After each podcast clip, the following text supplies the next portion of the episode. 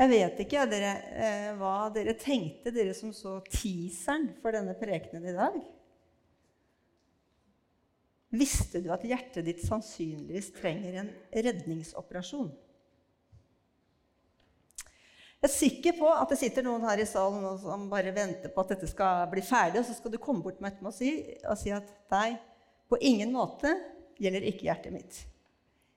Helt greit og kjempebra. Men så vet jeg jo at du sitter her som nikker inni deg. For du vet at du er i ferd med å miste deg sjøl litt.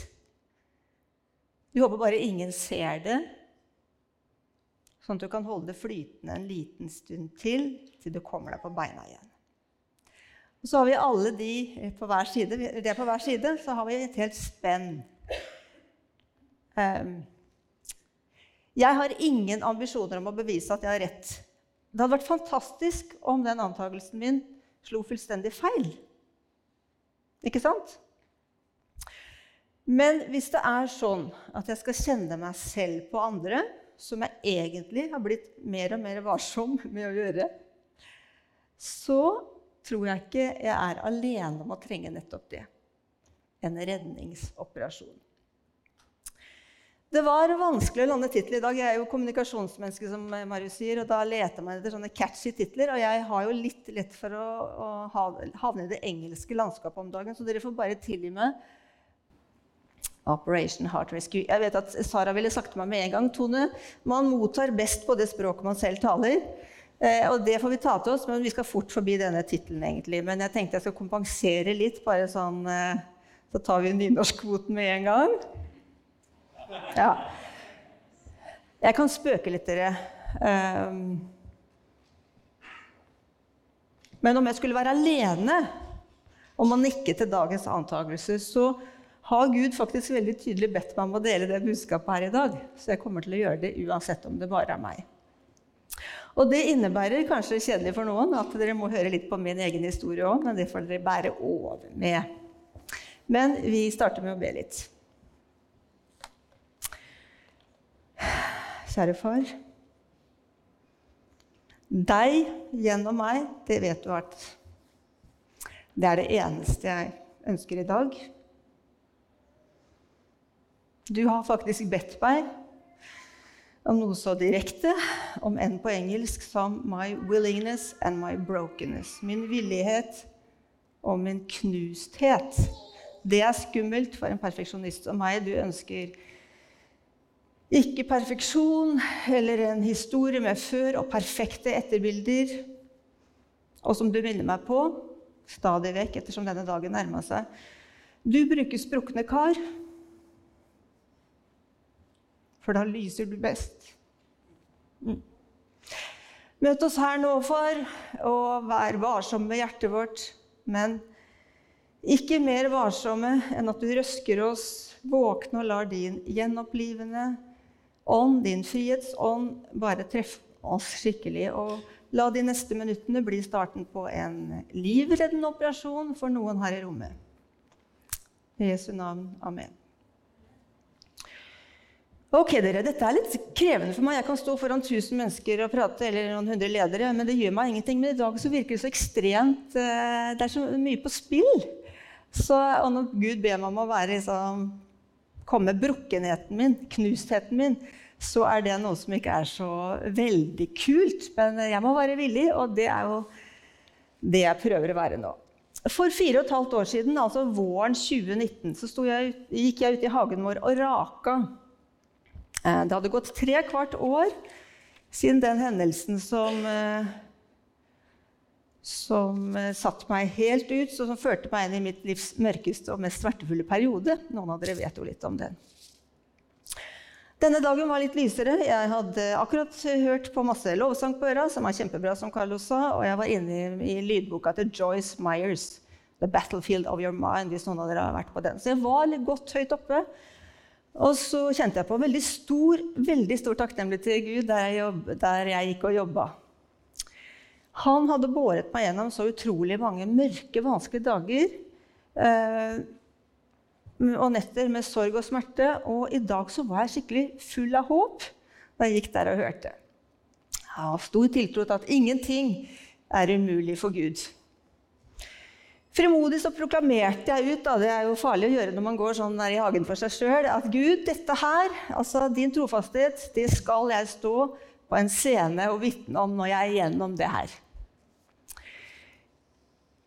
Og så for meg at jeg sto her på mølla. Det er liksom min nærmeste scene. som det var lenge siden jeg har vært på. Og så gikk det noen sekunder, og så var det nesten sånn påtagelig at Gud bare eh, prikka meg på skulderen, og så sier han Ja, ja, veldig bra at du vil ære meg med det her, Tone. Så, men vil du virkelig gjøre det? Selv om jeg ikke gir deg det miraklet du ber om? Bare sette litt på pause før jeg avslører hva jeg svarte. Eh, det kan dere kanskje gjette siden jeg står her i dag. Men eh, det er jo mange her som kjenner meg og oss godt. Og så er det en god del av dere som har begynt de siste åra, som ikke vet så mye om hvem jeg er. Marius hadde vært med helt fra pionertida og starta. Det er sant. Eh, I løpet av de 15 åra fram til da så hadde jeg jo vært med ungdomsklubben og Barnas eliteserieklubb, konfirmantundervisning, konfirmantmusikaler, nyskapt jeg eh, hadde vært med i interiørkomiteen da vi kjøpte mølla. Jeg hadde vært ekstremt aktiv, egentlig. Jeg har til og med vært i Økonomirådet, og jeg tror jeg faktisk var med i det første lovsangsbandet. bare så det er sagt. Eh, og så kom eh, denne livskrisen, og så ble det et veldig langt opphold i tjenesten min. Veldig uvant for meg. Og Derfor har ikke dere andre sett meg. Eller bare Vi holdt i gang Nyskapt et par år, selv om det var pandemi. Så det å eh, det var veldig rart, og er veldig rart. For meg er det veldig spesielt å bare være her. Så det er en øvelse for meg om ingen andre får noe ut av det. bare så dere vet det. Ok, Tilbake til hva jeg svarte. Selvsagt så svarte jeg jo ja. Og det er jo eh, nok delvis fordi jeg var veldig optimistisk da om at Gud han eh, kom til å svare og gi meg det miraklet. Og så var jeg allerede utrolig takknemlig for det Gud hadde gjort. Så det var, det var av et helt hjerte jeg kunne svare. Så uh, hvorfor tok det fire og et halvt år til før jeg sto her? Det er, ganske, det er et meget betimelig spørsmål, og forresten uten at det mirakelet jeg ba om, har kommet.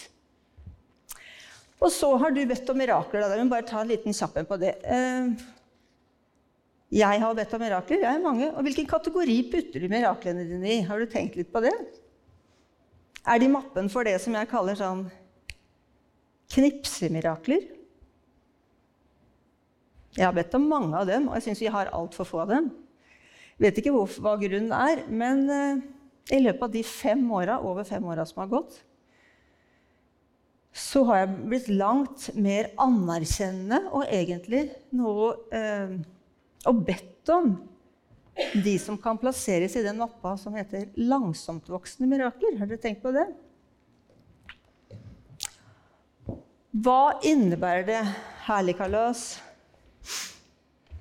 Hva innebærer det å be om de typer mirakler og la de få utfolde seg? For det er litt viktig her. Det innebærer at ting tar tid, og det er ganske smertefullt underveis. Men Gud har lært meg og, ofte at det er mye mer gjennomgripende. Det er mer forvandlende og gir ringvirkninger som aldri hadde kommet hvis jeg hadde fått mirakelet mitt med en gang. Det er sikkert mange her i salen som har akkurat de samme erfaringene som meg. Eh, ikke at jeg er imot knipsemirakler, altså. Mirakelet jeg ba om eh, Marius du gi meg bare glasset mitt. sånn Det var at eh, ekteskapet vårt skulle gjenopprettes, og at vi skulle finne tilbake til hverandre. For det var det som hadde skjedd ni måneder før. Takk, takk skal du ha, Sigmund. Mm.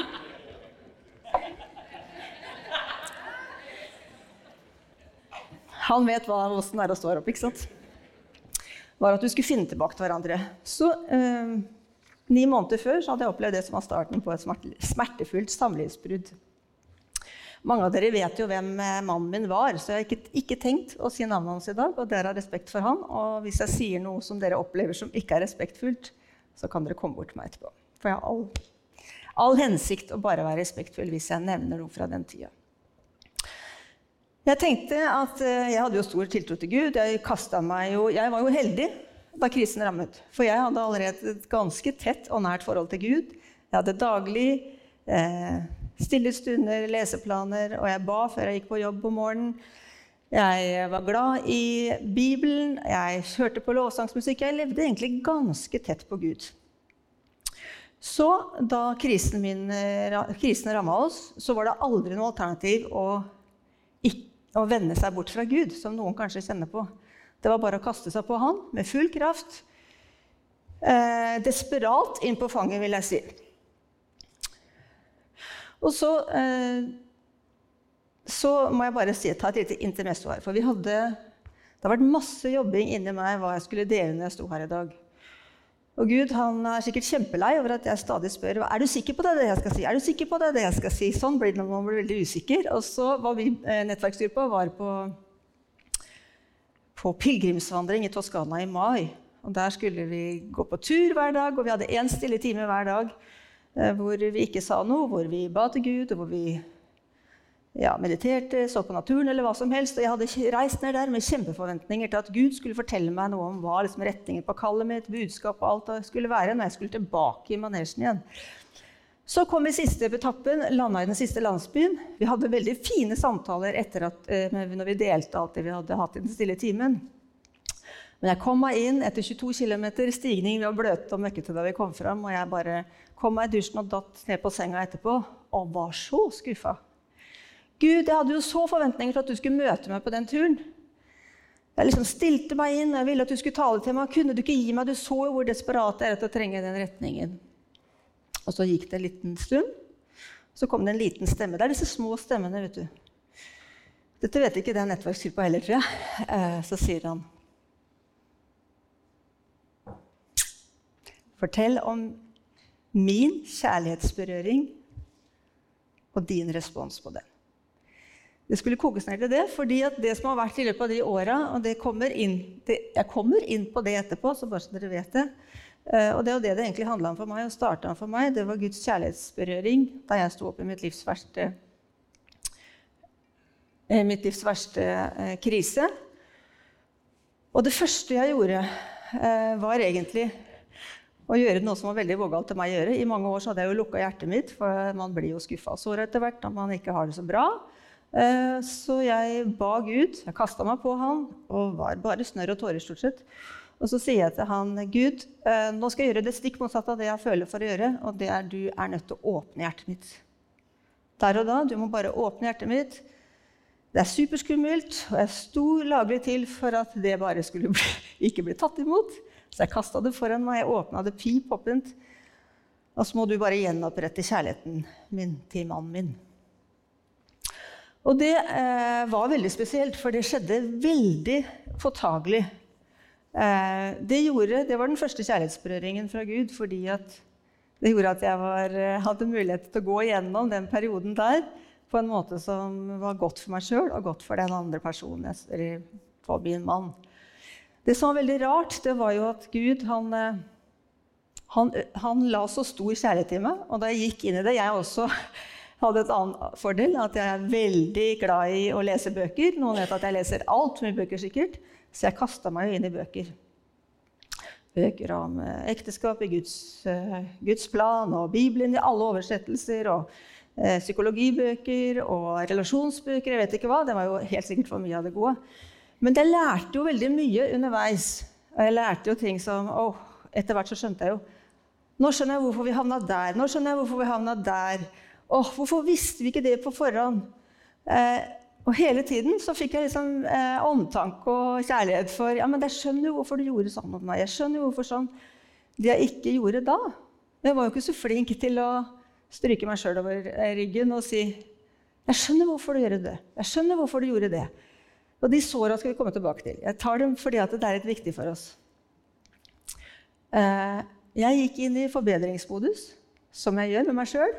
Leste alle bøkene for å finne ut hvordan skal jeg forbedre meg på det og det og det. Og det gjorde jeg feil, det gjorde jeg feil. Og jeg ba om tilgivelse. Det gjorde jeg feil. Eh, og det holdt jeg på med. Men Gud han var nådig. Han, han bruker jo det også, så han hjelper meg jo til å rette på de tinga. Og det er sånn greie dere. Det må dere ta med dere når det er i en sånn setting. Og man kjenner på at man har gjort mye dumt sjøl. Men man har fått masse sår også. Så går han på to spor. Prøv å være obs på det. Han helbreder sår, og så fornyer han ditt indre, som det står i Salme 23. Og det han gjør da, der han hjelper oss med de tinga som vi pga. våre sår gjør at vi trenger å forandre på. Jeg gjorde ting, jeg hadde strategier som gjør at uh, dette var ikke hensiktsmessig verken for meg sjøl eller andre. Og da hadde jeg begynt å lukke hjertet mitt. Jeg hadde begynt å bli kanskje tydeligere, tatt mer kontroll. Hva var? Masse ting som hadde kommet fordi eh, det var sår eller andre ting som var påført. Og så valgte jeg noen strategier som ikke var så bra. Og Gud han er en fantastisk far når man kommer opp i sånne settinger. Så han helbreda meg. Det tok lang tid. Det tar lang tid. Vi holder på ennå. Og så lot han meg gå i å oppleve effektene av at jeg hadde bedt han om å fornye mitt indre. Det gjorde at jeg kunne stå i det, kunne stå oppreist og kunne liksom gå gjennom det og vite at jeg ikke var verken bitter, eller at jeg ba om tilgivelse, og jeg kunne gi tilgivelse. Og så begynte det etter hvert å bli sånn Gud, den effekten her, den må du bare utvide. Så den nye kjærlighetsberøringen han gjorde til meg, var at han, når jeg sa Gud, åh, jeg får jo så stort hjerte for det. Jeg ser jo hva barna dine holder på å styre med og slite med. Og så vet vi ikke bedre. Du må utvide hjertet mitt. Du må hjelpe meg å se menneskene ved dine øyne. Så det begynte jeg med hver eneste dag.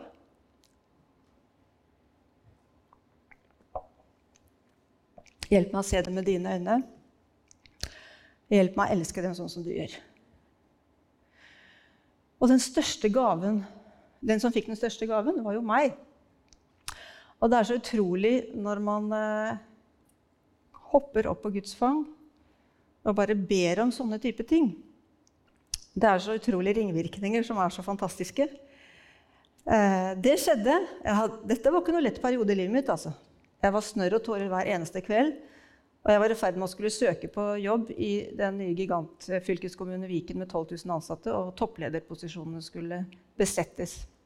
Jeg var klar til å bare si fra meg alt. Jeg hadde ikke tenkt å søke på noe. For hvis jeg kunne bruke kreftene mine på å få noe til å fungere igjen.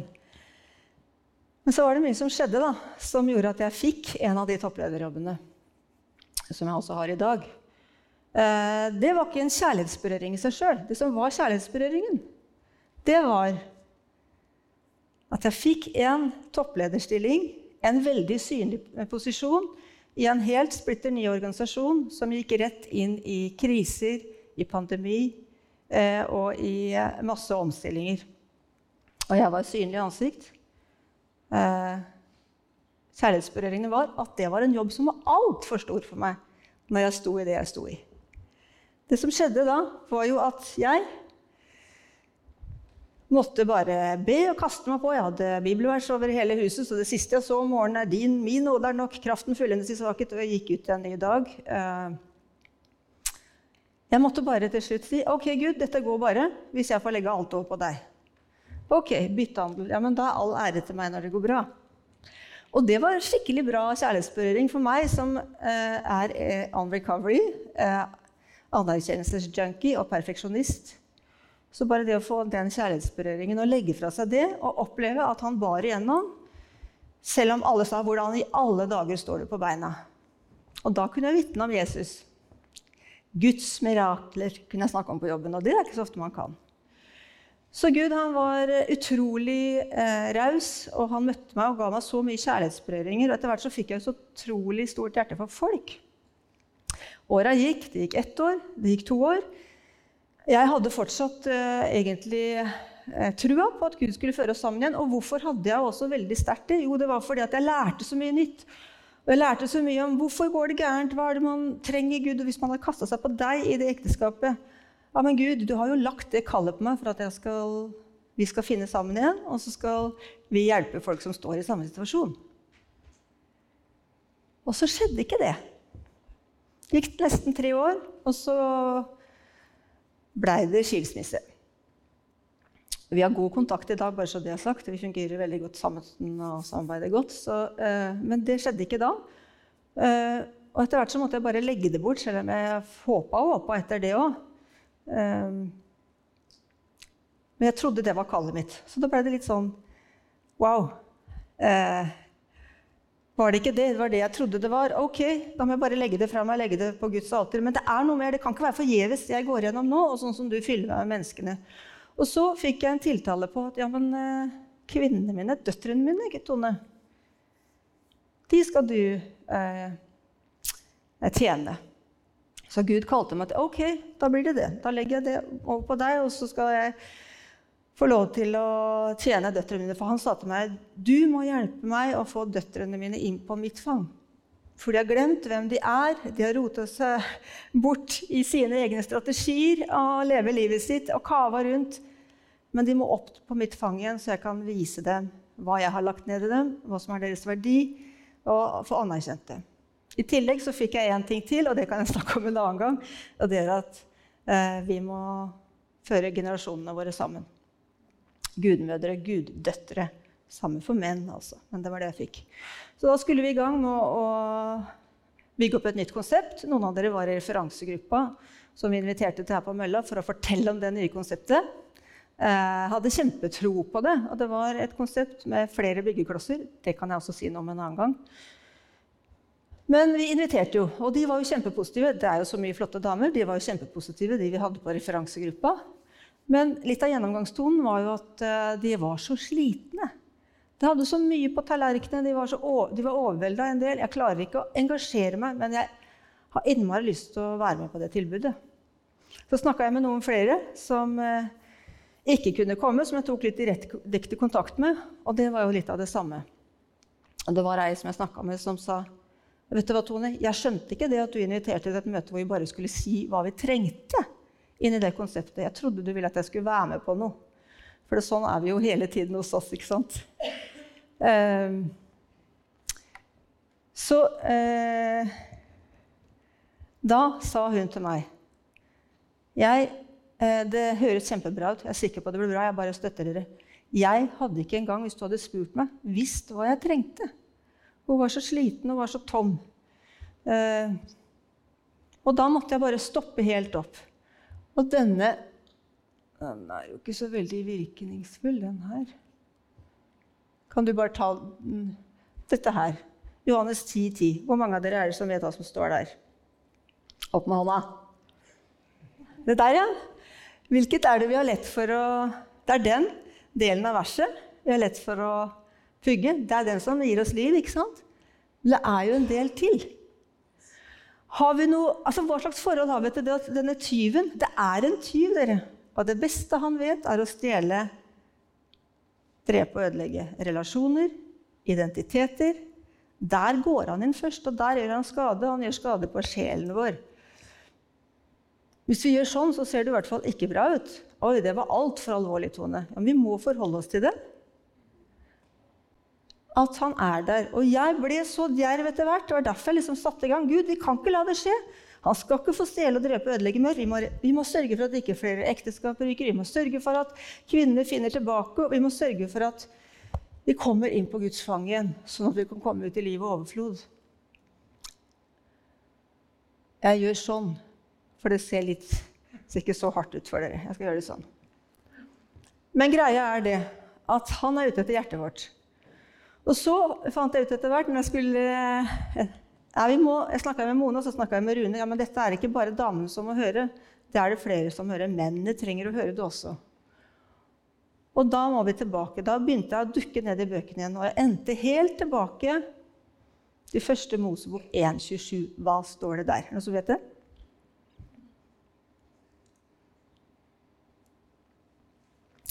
Så skapte Gud Menneskene så de lignet ham. De fikk et vesen som lignet ham. Skapte ham til, til mann. Han skapte dem som mann og kvinne.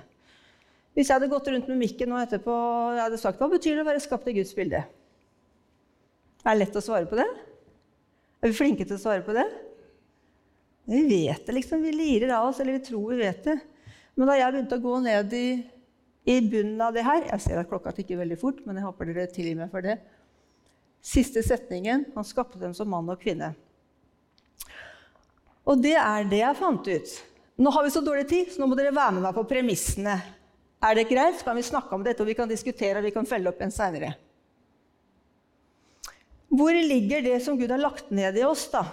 Det som er særskilt, som han har lagt ned i oss som mann og som kvinne, det ligger i hjertet vårt. Så det er jo ikke, det er jo ikke uten videre Eller uten Det er jo naturlig at vi snakker om dette verset. Det, det også siterer vi veldig ofte. Det er sikkert ulike ting vi legger i det. Men viktigst av alt er dette bevar hjertet ditt før alt annet, for der er livets kilde. Der ligger det Gud har lagt ned i oss. Der ligger det senteret for hans karakter i oss. Og hvis det hjertet, da, hvis vi kommer på avveie, vi liksom mista oss sjøl, da må vi finne det tilbake. Og det er det Gud sier at Tone, det må du gå litt i spissen for. Og jeg er jo på veien sjøl. Den redningsoperasjonen den trenger jeg like mye som dere.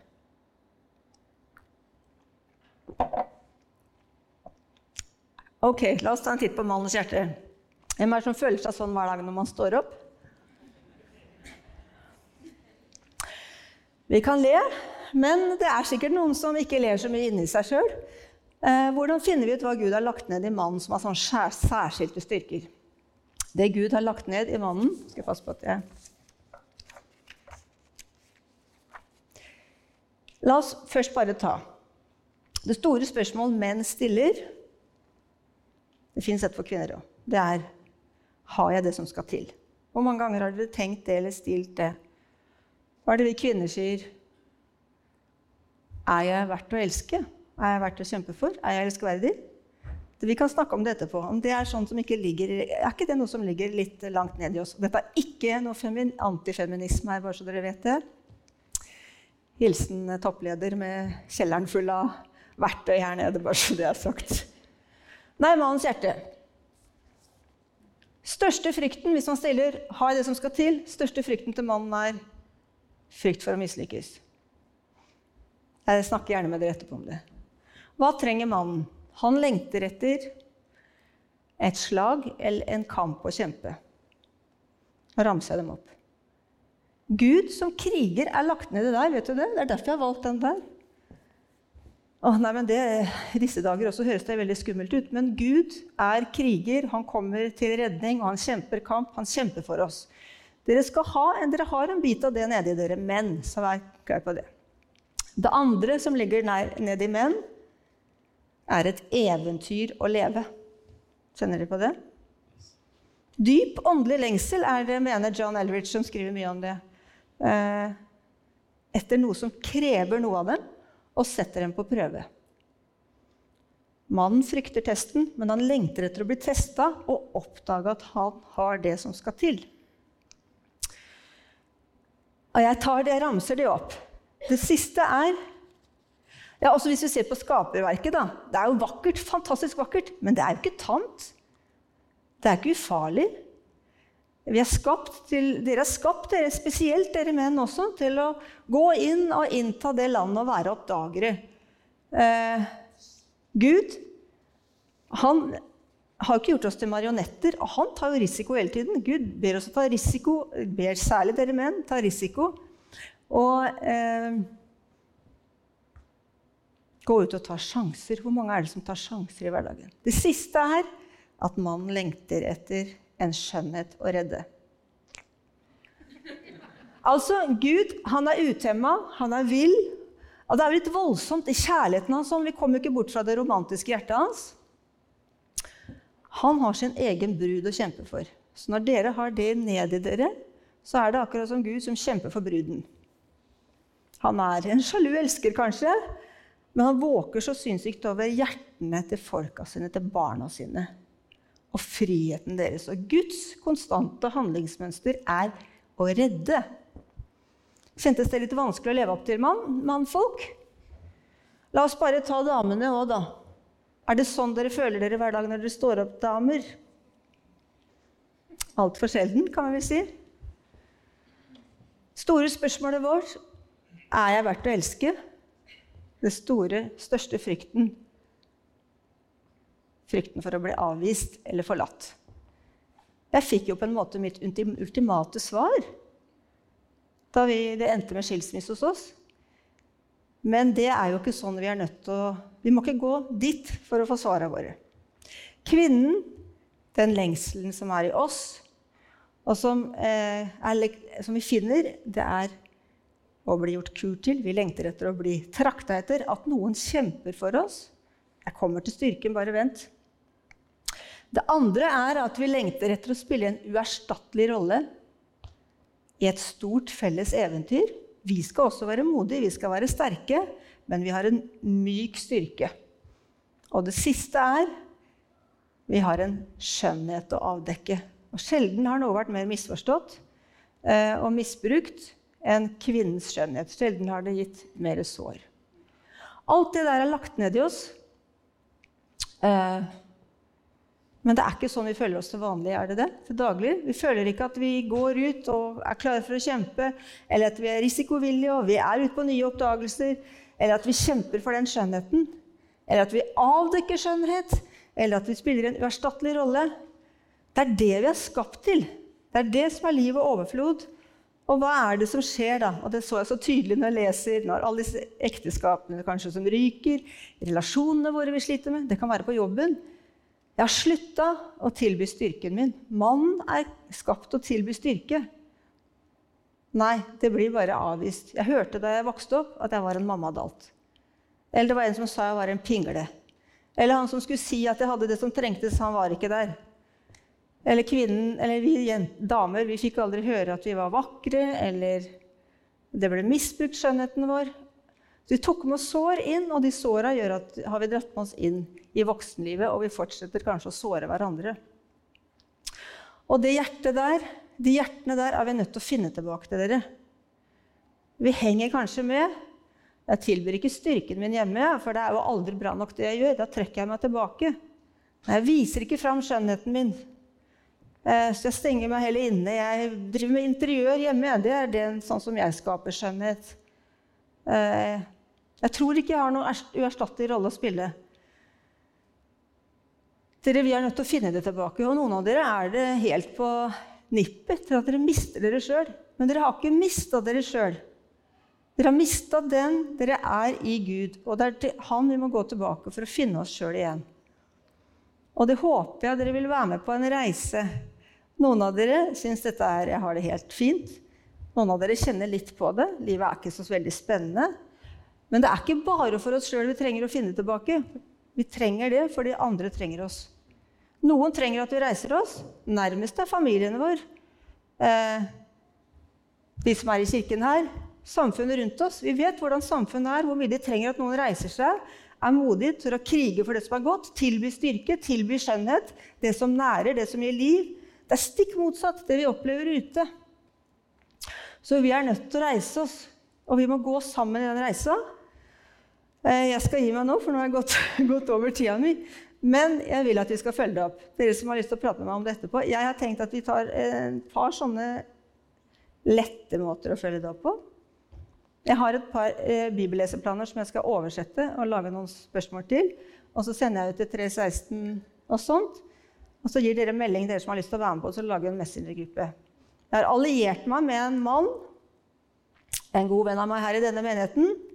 En av de som kanskje har vært mest åpne på sin sårbarhet i forhold til Hvor er det villige mannen blitt av her, dere? Vi har temma han til og med i menigheten. Jeg skal ikke si hvem det er, men vi kommer tilbake. For menn skal gå sammen og la Gud fostre dem. Vi kvinner skal gå sammen og la Gud fostre oss. Eh, og så håper jeg vi kan komme på nyåret og kanskje tilby noe mer. Jeg åpner gjerne hjemmet mitt. Vi kan være her, vi kan være hvor som helst. Mennene finner et leirbål hvor dere skal eh, finne dere. Og så går vi videre på den reisa. For den må vi, vi må ikke gi slipp. Eh, vi må ikke miste oss sjøl. Vi må ikke visne. Vi må komme tilbake og tilby styrke og skjønnhet for det trenger verden. Denne her, Jeg, et, jeg bare åpna Bibelen min på morgenen i går.